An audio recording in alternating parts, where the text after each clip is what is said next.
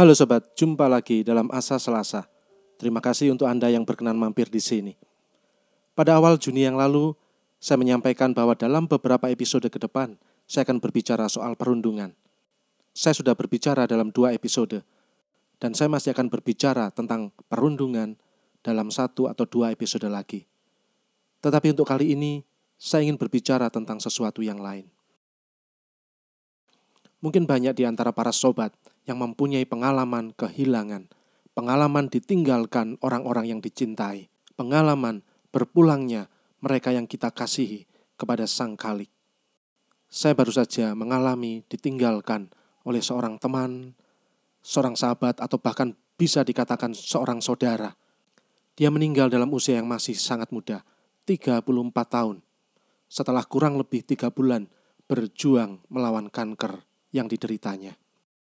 Sobat sekalian, saya tidak ingin berbicara soal bagaimana perasaan saya, bagaimana kesedihan mereka yang ditinggalkan, tetapi saya ingin berbagi kepada sobat semua tentang pelajaran dari teman, sahabat, atau saudara saya ini.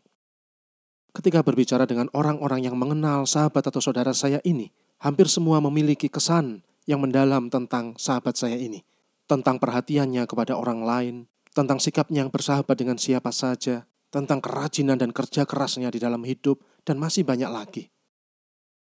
Dari pengalaman kecil ini saya disadarkan bahwa hidup itu bukan soal pendek atau panjangnya umur kita, bukan soal bahwa kita meninggal di usia muda atau bisa meninggal di usia yang tua, tetapi yang penting dalam hidup adalah bagaimana dalam hidup yang entah panjang entah pendek itu, hidup kita bisa menyumbangkan sesuatu yang baik untuk kehidupan bersama, untuk orang-orang di sekitar kita. Bagaimana hidup kita yang sekali lagi entah pendek entah panjang meninggalkan makna dan kesan yang dalam bagi orang-orang di sekitar kita. Tentu saja yang saya maksudkan adalah kesan baik. Banyak orang yang memiliki usia panjang, tetapi hidupnya tidak pernah meninggalkan kesan yang menyentuh hati banyak orang. Banyak orang yang hidupnya panjang tetapi tidak memberikan kontribusi apa pun untuk kehidupan. Atau lebih parahnya lagi, banyak orang yang hidupnya panjang tetapi selama hidupnya hanya meninggalkan rasa sakit, hanya membuat orang memiliki pengalaman sakit hati karena kata-katanya, karena perbuatannya, atau apa pun di dalam hidupnya. Maka sobat sekalian, ini hal pertama yang saya pelajari sungguh, yang saya sadari dengan berpulangnya sahabat atau saudara saya ini, yaitu bahwa hidup, entah panjang entah pendek, hendaknya kita isi dengan berbuat kebaikan, meninggalkan kesan yang dalam dalam hati banyak orang menyentuh hati orang-orang yang ada di sekitar kita. Hidup saudara saya ini mengingatkan saya pada seorang muda yang bernama Pierre Giorgio Frassati. Sejak muda, sejak usia 17 tahun, dia menggunakan waktu luangnya untuk melayani orang yang sakit dan membutuhkan. Di samping menjadi seorang aktivis sosial yang bersemangat, ia juga bergabung dengan organisasi mahasiswa menentang fasisme dan mendirikan surat kabar harian. Pada usianya yang ke-24, dia dinyatakan menderita serangan polio akut. Dokter menduga ia tertular penyakit itu dari orang yang dilayaninya. Dia meninggal pada usia 24 tahun. Pada hari pemakamannya, keluarganya terkejut. Ribuan pelayat datang beriring-iringan. Ribuan orang miskin yang selama ini dilayaninya. Dia tidak pernah punya kesempatan untuk memulai karir. Ia hanya seorang muda yang jatuh cinta dengan keluarga dan teman-temannya, tetapi terutama di dalam cintanya kepada Tuhannya yang dinyatakannya dalam pelayanan kepada orang yang menderita.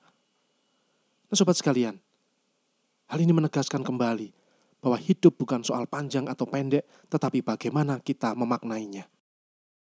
Hal kedua yang memberikan kesan mendalam, yang memberikan kesadaran baru, atau menyadarkan saya kembali, adalah sikap kepasrahan sahabat saya ini di dalam dia menjalani hari-harinya bersama kanker yang dideritanya. Sejak pertama dia didiagnosis dan difonis menderita kanker stadium 4. Dia menerima dengan penuh kepasrahan. Dia tetap mempunyai harapan bahwa Tuhan akan menyembuhkannya, akan memberikan yang terbaik kepadanya. Dia tetap mempunyai iman akan Tuhannya. Dan yang lebih mengesankan lagi, ketika kondisinya semakin menurun, dia menghibur mereka yang menemaninya supaya berpasrah, supaya tidak menangis, supaya tetap percaya kepada Tuhan Sobat sekalian, kepasrahan dan harapannya inilah yang membuat dia bisa menjalani masa-masa terakhirnya dengan penuh kebahagiaan. Memang tampak bahwa dia menahan rasa sakit. Tetapi dia tidak pernah mengeluh sampai berputus asa. Dia hanya menyebut nama Tuhannya. Dia berpasrah kepada Tuhannya. Dan akhirnya Tuhan sungguh menyembuhkan dia. Menyembuhkan bukan secara fisik, tetapi melepaskan dia dari penderitaan. Dan saya percaya saat ini dia sudah berbahagia dengan Tuhan yang diimaninya, Tuhan yang dicintainya, Tuhan yang dipujanya selama hidupnya. Dia lepas dari penderitaan, dia bahagia bersama Tuhannya. Sobat sekalian, barangkali itu yang bisa saya sampaikan hari ini. Mari kita isi hidup kita dengan kebaikan. Mari kita tinggalkan kesan yang dalam. Mari kita sentuh hati banyak orang di sekitar kita. Karena hidup bukan soal panjang atau pendek, tetapi soal bagaimana kita meninggalkan makna dan kesan bagi banyak orang di sekitar kita.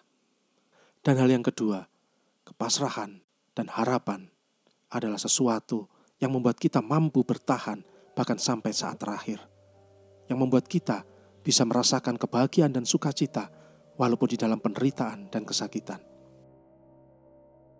Oke sobat sekalian, demikian yang bisa saya bagikan. Ingat, tanpa asa tidak ada cerita. Sampai jumpa dalam asa selasa berikutnya.